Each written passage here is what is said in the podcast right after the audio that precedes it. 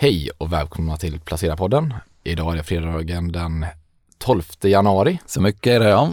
Mm. Yes, och idag ska vi snacka om lite prognoser. Mm. USA, lite vinstvarningar och omvända vinstvarningar Ja. och lite Lyko. Ja, Och sen kanske vad som kännetecknar en riktigt bra vd. ja, det vill vi veta. Ja, för det vet du. Ja, det vet jag. Det vet jag. Men ska vi börja med lite prognoser och lite vinstvarningar och vad som Ja. har hänt nu det senaste? Det kan vi göra. Det, är, det har väl varit ganska lugn börsvecka. Första veckan på året var rätt sur. Nu har det varit lite mer eh, lugnt och det är väl lite lugnet före rapportstormen. ska vi kanske säga Som- vilka vi är som är också? Kan vi göra? Just det. Ja, mitt namn är? Ludvig Lönngård och Martin Blomgren. Du är Martin Blomgren och jag är Daniel McPhee som sitter här. Ja. Där Daniel. Ja, ja men börsen. Ska vi prata lite om den? Ja, just det. Det var Ja. därför vi är här. Ja. Idag drar det faktiskt igång i USA ja, med ganska mycket bankrapporter. Jag har kollat lite på hur, hur prognoslandet ligger inför, eh, inför den här rapportperioden i USA. Och eh, analytikerna har dragit ner förväntningarna ganska rejält, bland annat på bankerna då som kommer först ut här. Under fjärde kvartalet har man dragit ner prognoserna för fjärde kvartalets vinster med 7 Ganska mycket. Så man, man väntar sig fortfarande en liten vinsttillväxt, jag tror det är drygt 1% Men man trodde på 8% vinsttillväxt i fjärde kvartalet när kvartalet började. Så det kan ju låta lite oroväckande, men tittar man då på hur 2024-prognoserna ser ut, alltså helåret som vi är inne i nu, så är de bara neddragna med 1% och analytikerna räknar enligt Factset med 12% vinsttillväxt. Så att jag tycker inte man ska bli jätteorolig av den här prognosen, justeringarna för Q4 2023 utan det är ändå historia och det viktigaste i rapporterna blir ju vad de säger framåt och om det kan ska man säga, bekräfta bilden då att vi har en vinsttillväxt på tvåsiffrig vinsttillväxt eh, framåt. Det här var isolerat för bankerna sa du? Nej, de, Eller siffrorna, nej, de siffrorna nu var liksom för hela S&P Ah, okej, 500. ah, okej. Mm. Men, men bankerna är en av anledningarna till att man dragit ner prognoserna för Q4. Intressant att det är just eh, bankerna. Vet du vad det är som gör att de oroar att bankerna Ja, men tjänar mindre? dels räknar man nog att det blir ganska stökigt med att långräntan har gått ner mycket. Att det kan ställa till lite i värderingen av obligationer och sådär. Och sen har det varit ganska trögt ändå på bostadsmarknaden och på M&As. eh, Den sidan har varit trög. Ja, transaktionerna har ju gått ner mycket. Precis. Sen borde å andra sidan då det som är mer, eh, vad ska man säga, wealth management, vad säger man på svenska? Eh, Förmögenhetsförvaltning. Förvaltning och aktiehandel och sådär har ju gynnats av att har varit en stark börs. Eh, Men nettot uppenbarligen då enligt analytikerna kommer att bli att de har fått veva ner prognoserna lite grann för bank. Men nästa år så ska det då upp, eller detta år 12 och då är det teknikbolagen som vanligt som ska dra vinsterna. Men även hälsovård och en comeback för konsument. Mm. Det är liksom big picture hur prognoserna ligger. Så får vi se om rapporterna kan eh, stärka den tesen eller om, om man får tänka om. Men, men när det gäller svenska börsen och, och utländska också, det har inte kommit speciellt mycket vinstvarningar tycker jag. Vi är ju i en period där det är, rapporterna är på väg och där det brukar trilla in en hel del varningar eller prognossänkningar. Men eh, jag tycker från mitt perspektiv att jag inte har sett så mycket som oroar. Nej, det lär ju inte komma mycket mer nu i alla fall. Så att Nej, jag tycker man har sett lite i flödet från utländska aktörer. Du kanske har koll på vilka det är, men eh, Ja, Jag försökte skriva upp några som, som flimrade förbi i flödet. eh, och då är det mest positiva faktiskt. Det är uh, Matas, danska Det har du skrivit om va? apoteks, ja, Ja. apoteks och skönhetsprylar. Höjde sin prognos. Även Pandora, danska också som säljer smycken. Den var bra. hm konkurrenten Fast Retailing som äger Uniqlo. Uniqlo. Eller man- Uniqlo. Uniqlo. Kanske. Tack. Kommer bra siffror. Och eh, Atlas Copcos konkurrent inom vakuum, VAT, kommer urstarka ordersiffror igår tror jag det var. Men eh, det går ju inte riktigt upp med makrobilden om att industrin Nej, det gör inte bromsar det. ner globalt. Så Ja. har man väl fått sådana siffror upplever jag. Jag lyssnade dock på podden som Elinor, vår kollega, Mm. gjorde igår. Torbjörn Isaksson som då är makrospecialist. Han pratar ju mycket om just att industrisiffrorna är de siffrorna som visar sig inte kanske vara så helt korrekta eh, på makrosidan. Så att det stärker väl också den tesen. Ja, man tycker att om det hade varit ett riktigt, eh, en riktig dikeskörning här så borde det synts och hörts från fler bolag vid det här laget. Men eh, vi får väl se. Däremot kom det ju i lyxsektorn så. Det var väl Ja, det de här sänkte någon- Bur- Burberry va? Exakt. Som sänkte prognoser. Exakt. Så att det kanske, det kanske ändå börjar tära på lyx men att mass, mer massmarknad om man tänker Pandora, Mm. Mattas har klarat sig ganska bra. Så det blir väl spännande att se hur det spelar ut i rapporterna. Men- Och vi har ju faktiskt fått en rapport i veckan också. Dustin. Dustin, ja. Den var Det jävligt bra va? Eh, den, den var bra i förhållande till hur det har sett ut senaste året kan man Ja. säga. Men hade man sett de här siffrorna för något år sedan hade man inte sagt att det var bra direkt. Men, ja, men de har ju varit rätt plågade, vi har pratat mycket om dem tidigare. Mm. Hög skuld, eh, tuff marknad, och återförsäljare av datorer och telefoner till företag och organisationer. Fick ju klart sin nyemission i december och nu kom då rapporten om har brutit år. Och den visar ju att det fortsätter falla på omsättningen men det faller kanske inte mer än, än vad man hade väntat och eh, en del av fallet beror på så här ramavtal som man löpt ut med lite affärer med sämre marginal. Så att marginalen var upp, bra kassaflöde, nettoskulden då tack vare emissionen tillbaka i deras målintervall. Så att det blev en ganska kraftig positiv reaktion på rapporten att man Mm. antar eller hoppas väl att det värsta är över nu då. Och de hade väl gjort något jätteförvärv tidigare. Har man någon uppfattning om hur den affären går nu när den har gått en period? Så det här Central Point Ja. precis i Benelux. eh, Nej, jag, jag kan inte säga att man skär ut liksom exakt den delen men, eh, men det var ju den som drev upp skulden. Ja, precis. Och som vi pratat om någon gång tidigare, att skulden är i euro, vilket de kanske kan få lite medvind nu jämfört Mm, med tidigare. Om kronan eh, går på rätt håll för en gångs skull. Så att mycket, mycket av det som har varit dåligt som man hoppas ska vända i år fick man ändå lite, Försmak av. lite försmak av att det skulle kunna vara en vändning. Så att den, den stack drygt 20 på rapporten. Mm. Sen tappade den lite igår men eh, Ja, det går ju fort Mm. åt andra hållet när eh, sentimentet vänder i en sån aktie. det gör det. Så att vi får se om den är en, skulle vara en liten, liten ledande indikator för andra problembolag. skulle vara trevligt. Så får vi se om du har sålt nu när vi pratar veckans affärer här i slutet. Mm. De Det är är pricka vansinnigt. botten. Mm, vi får se. Eller ökat. En cliff, cliffhanger. Ja. Exakt. Men ehm, på tal om Matas som ju köpte Kicks här med på svenska marknaden. Så de är ju konkurrent på ett sätt till Lyko nu eller Ja. som du tittat på. De är ju rätt mycket större. Jag tror att det är 5 miljarder danska då ska man säga. Så man Mm. får dra upp 50% där. Lyko ligger runt en, drygt en och en halv miljard. Så det är en betydligt större konkurrent. Men det är också hudvård, smink, mycket nätet. Så att, nej, det är de, som du säger, de hade ju uppdaterat sina prognoser. Eh, det man ska säga också med Matas är att de är Mm. betydligt lönsammare än vad Lyko är i dagsläget. Så att eh, de har ju rörelsemarginaler runt 10% och Lyko ligger strax under 3 Mm. faktiskt just nu. Och Matas kommer ju från ett håll där man har haft massor med fysiska butiker och en, som en dansk institution. Liksom. Och det har ju också faktiskt Lyko. Ja. Eh, de har 30 helintegrerade, eller helintegrerade kanske man inte säger, men 30 integrerade eh, butiker, fysiska butiker med, som integreras med salonger. Men majoriteten är på nätet. Alltså frisörsalonger. Ja, exakt. Och, Men det är ju samma sak som de här Ulta Beauty i USA. De kör exakt samma. ja, det är så. Ja, det är kanske är där Ja. har fått inspiration från, eller tvärtom. Mm. Men, eh, nej men så att Lyko har ju växt väldigt starkt och då pratar vi faktiskt mest försäljning. Så Mm. de har ju också haft medvinden av att konsumenten varit stark tidigare och att mycket handel på nätet. Så att 2020 växte försäljningen 43% och nu ligger de och taktar på rullande 12 19% på Q3. Mm. Imponerande att lyckas sälja så mycket, Mm. tycker jag. Eh, Men eh, det som bromsar, eller det som gör att aktiemarknaden i alla fall inte har uppskattat aktien de senaste tre åren, sen slutet på 2020 är aktien ner 75%. Det är ju just lönsamheten. Och det visar man ju att det kostar väldigt mycket att sälja, till exempel marknadsföring. Eh, En typisk sån post som kostar mycket i ett sånt här typ Mm. av bolag. Det man ser nu då som är den stora huvudverken kanske man kan säga, eller potentialen, det är att de har investerat i ett automatiserat lager som ska bli väldigt stort och dubbla kapaciteten och öka effektiviteten. Mm. Men det här är en investering på 43 miljoner euro. Och det är ganska mycket Right. pengar för ett Mm. bolag som Mm. Lyko.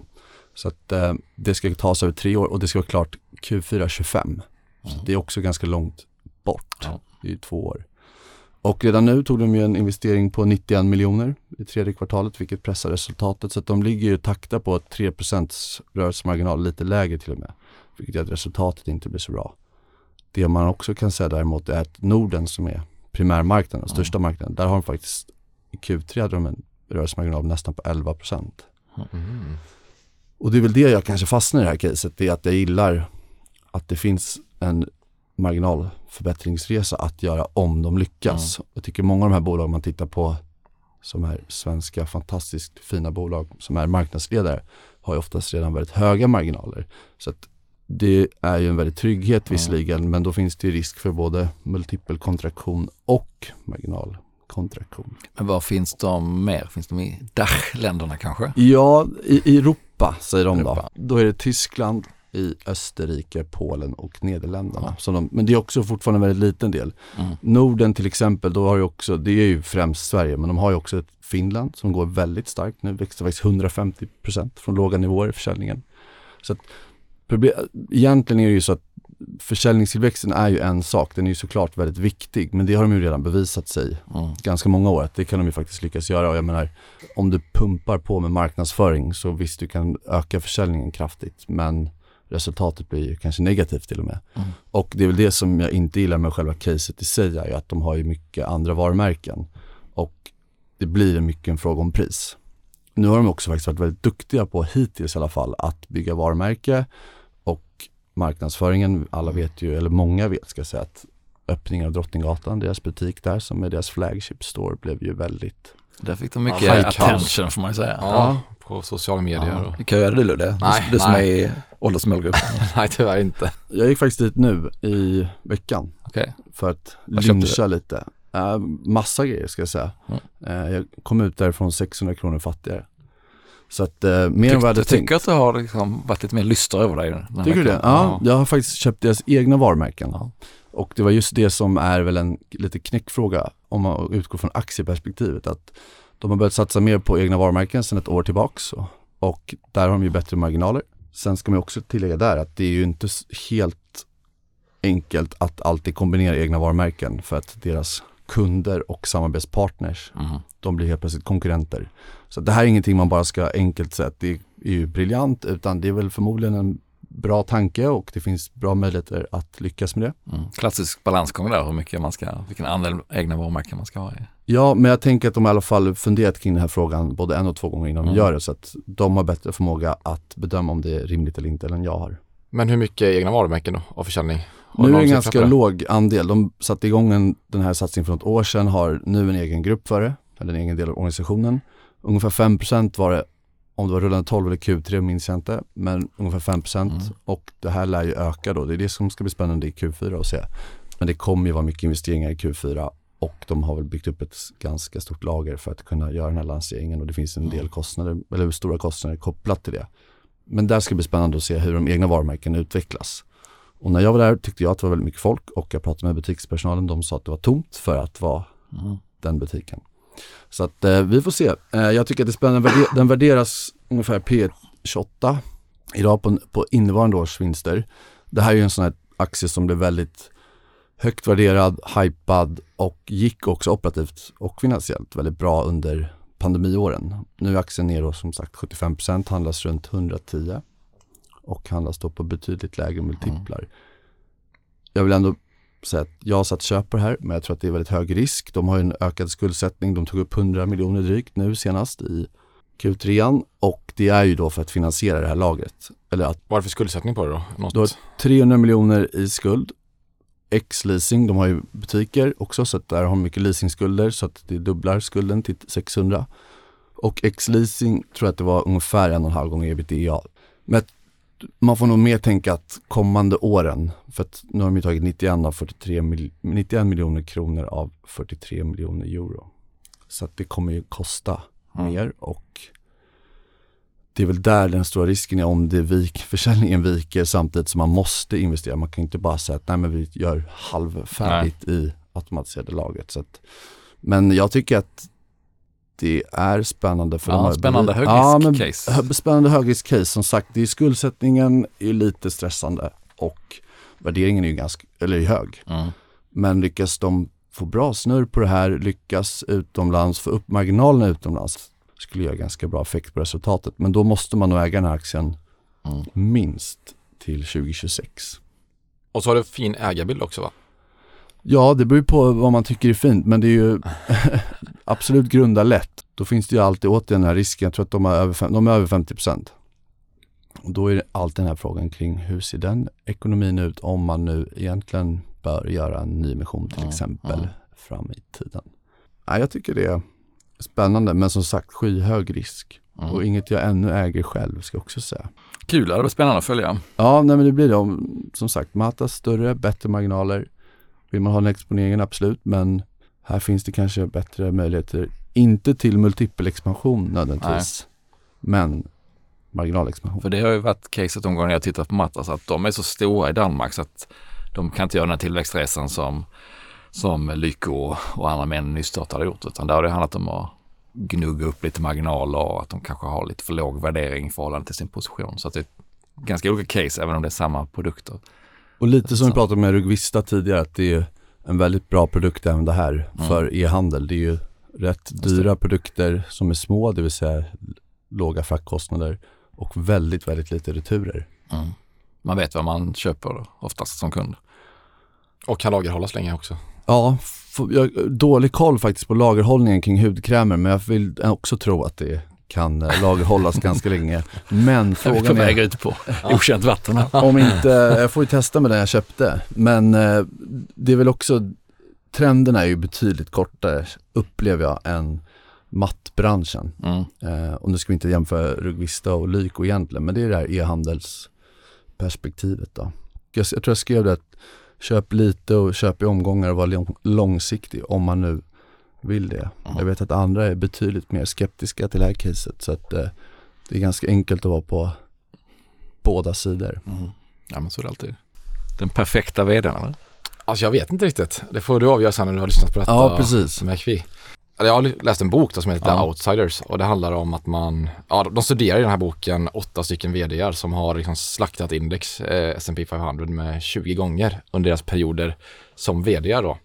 Och här finns liksom Warren Buffett Mm. i Berkshire Hathaway och eh, Teledynes vd Henrik Singleton. Jag vet inte om ni vet vem det är. Inte ännu. Nej, inte ännu. Jag läste din uh, utmärkta artikel så nu vet jag, men jag visste inte din än. Ja.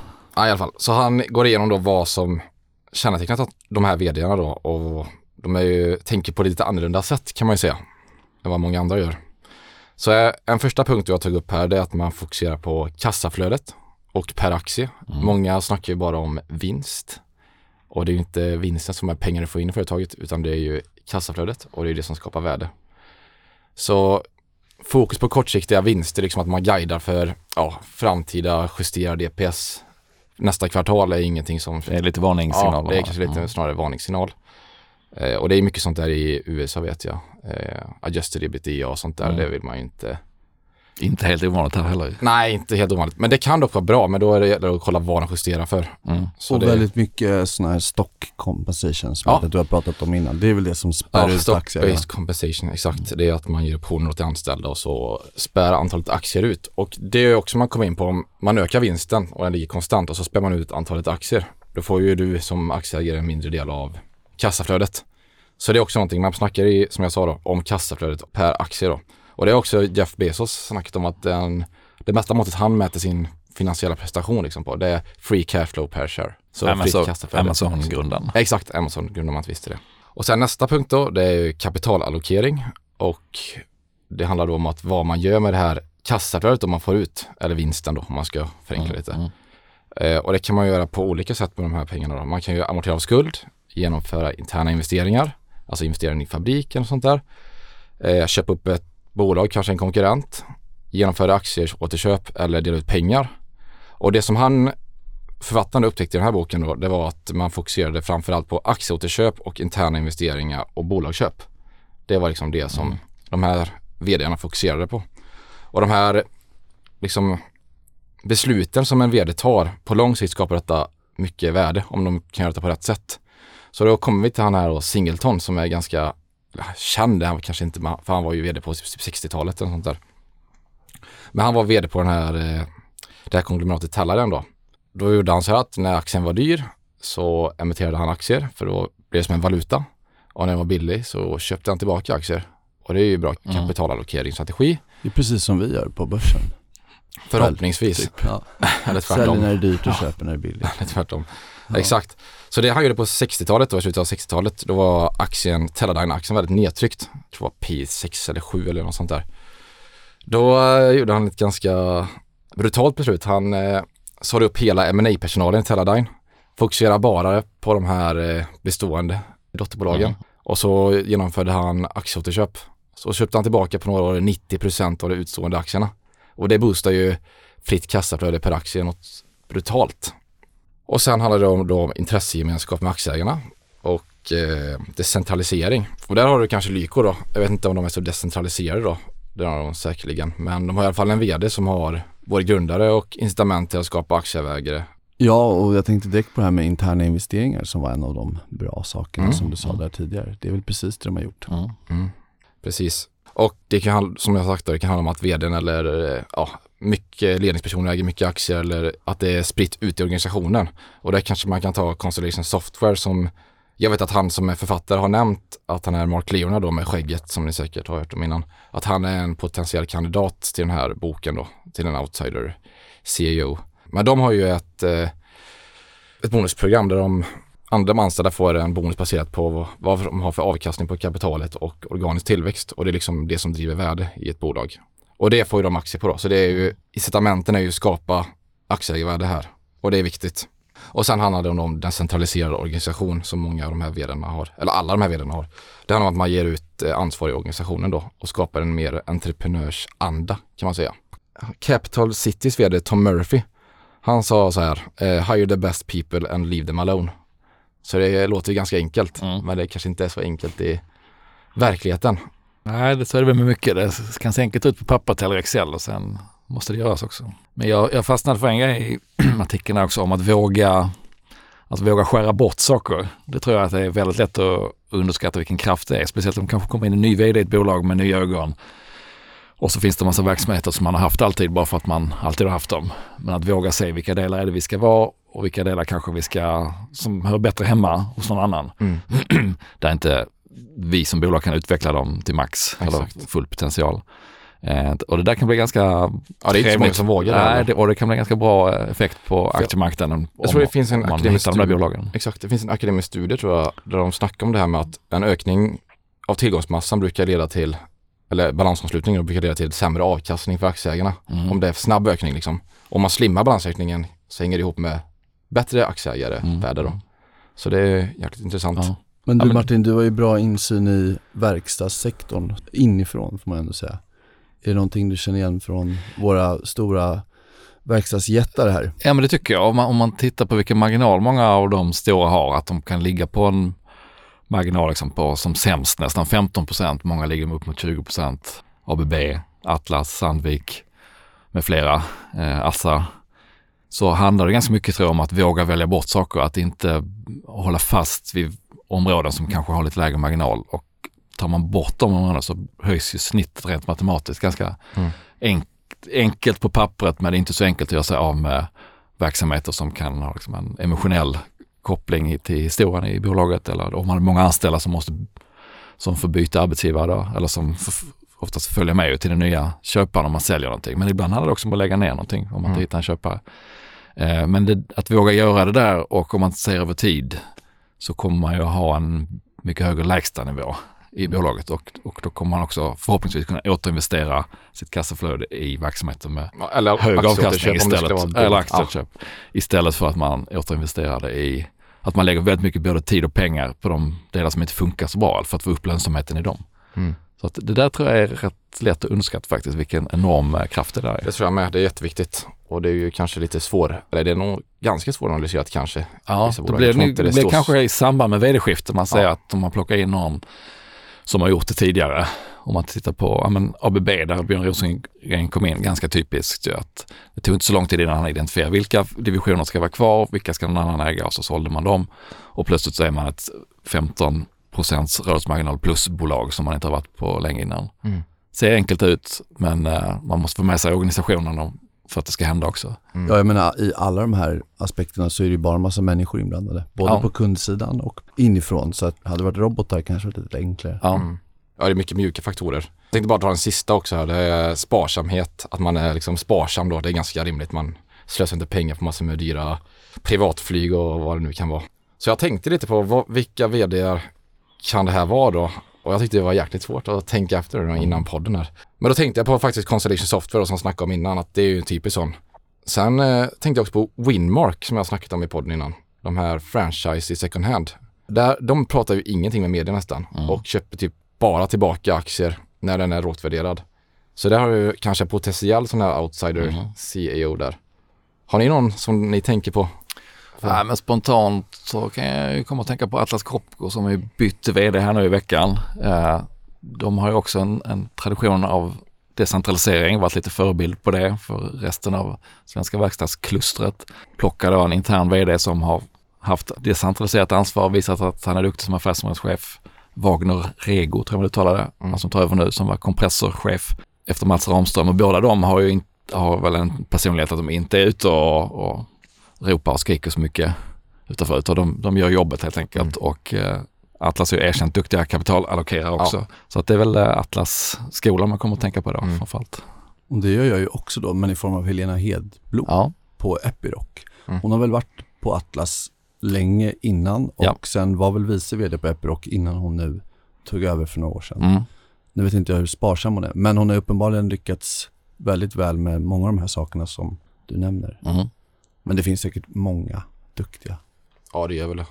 Har vi gjort några egna affärer då? Om vi har. Nej, jag har gjort Ja. en del. Ja, det är det. Inte du Daniel? Nej, en. Den är inte självvald dock. Men jag gick ju emot den här AI-hypen. Margin call eller? Ja, nästan.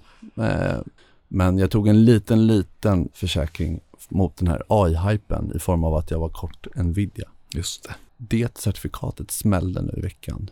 Jag tror att jag hade en stopp på 527 dollar och den var över 527 noterade jag. Så att eh, den är borta ur portföljen och därför Lika lär- bra det kanske. Ja, eller jag tänker tvärtom. Det är väl nu den Ja, vänder. vänder den. Ja. Eh, men eh, nej, så det gjorde jag. Men annars har jag inte gjort någonting. Ja, jag har inte gjort någonting faktiskt. Jag har blivit som du. Kanske. Ja, nej, men nu, nu har jag blivit som du. Ja, gjort massa- precis. Vi har bytt roller här. Ja. Det känns skönt. Ja, men jag har minst, jag sålde lite i början, eller mitten på december för att skapa lite kassa inför en förväntad rekyl eller lite firepower inför rapportperioden. Men eh, nu har jag försökt hitta något att stoppa in mig så jag har inte hittat så mycket nytt kul tyckte jag. Så att jag har faktiskt, faktiskt mest fyllt på i sånt jag redan har. Så att jag har pytsat in lite i Securitas, i bröderna A.O. Johansson. Den har väl gått rätt bra. Ja, Ja, de det har gått gått bra. bra Ja, de har hämtat sig. De vinstvarnade i höstas Mm. och sen har de hämtat igen det Bygg mesta. och typ. anläggning och Ja. allt möjligt va? Distributör. Ja, Mm. precis. Så de kommer jag säkert inte ha ett kanon fjärde kvartal. Det var ju därför de vinstvarnar. Men eh, i sak så är det samma bolag och de är bäst in class i, på sin marknad. Eh, lite Reilos, Afri och Aligo köpte Oj. jag också i. Ja, Rundade upp lite så här så man fick jämna, jämnt antal aktier. Ja, det är viktigt. bra. Man kan inte ha ojämnt. Det blir bra. jätterörigt. Men så har Ja. jag också köpt en eh, nygammal, ett nygammalt innehav i form av Ovzon. Oj! Oj. Satellit eh, data. Då får du be om Leverantör. ursäkt för du kallar det för raketjäveln. Ja. Det vet du. Ja men nu är raketjäveln uppe i rymden. Jo. Men det föll inte den på det beskedet att den, det var inte en konstig Jo, reaktion? precis. Ja. Det hade ju gått jättebra i december. De har gjort nyemission och eh, så ska de få upp den här egna satelliten då så att de kan börja sälja. Nu köper de in kapacitet från andra. Nu ska de kunna sälja från sin egen satellit och det är helt annan lönsamhet. Men det där kommer ta några månader innan den, som jag förstår det, där, hittar sin plats ovanför Madagaskar som den ska snurra runt på. Bara det gör ju att man blir köpsugen. Eller? Verkligen. Och du såg någon annan som uppenbarligen var köpsugen kanske i den aktien? Ja, vdn va? Ja. Ja. ja, men den är uppe och eh, det, är det, det är det som alla har väntat på. Så ändå föll den med 30 på några dagar. Så Inte raketen litet- utan aktien. Aktien, precis. Det gäller att hålla isär grejerna. Nej, men jag tar ett litet bett på att den här rekylen blir lite för stor. Jag tror att det finns väl en oro för att de ska behöva göra nyemissioner längre fram för att kanske skjuta upp fler satelliter eller för att eh, hålla den här igång. Men tanken är att de ska få eh, vinst och kassaflöde från den här så att det täcker. Så att där tog jag ett lit, väldigt litet Spännande. bett på att den rekylen har blivit för stor, att den ska hämta sig. Ja, that's it. Nu har lite kassa kvar. Ja, jag tänkte precis. Det här låter ju som att det är Ett- inte mycket kassa inför tänker rapporten. ett, nej, men ett, ett eller två innehav kan jag lägga till om tillfälle dyker upp. Eller en emission kanske i Ovzon. Inbjudan så, Precis. Jag måste ha täckning för det. Ja, jag har faktiskt också kassa nu inför rapportperioden. Du är välkommen in i satellitklubben om du vill. Jag tror jag avstår än så länge. Mm. Men det lät spännande att följa om inte annat på håll. Det, känns, det räcker att Lite du så. äger den så Ja, att, eh, jag, kan, jag ska hålla då får jag följa det på riktigt. Nej, det här får man väl Jag har ju lägga så på mycket liksom, annat eh, skit. Lott, lott, lottsedelkontot. Jag vill ju hellre köpa Lyko, kanske. Ja, men gör det då. Eller Rugvista. Gör det då. Jag väntar, jag har inte så bråttom. Ja, nej men det var det. Ja, Ska vi... eh, Så vi tar helg då. Ja, det gör vi. det borde vi göra. Trevlig Bye, helg. bye. bye, bye.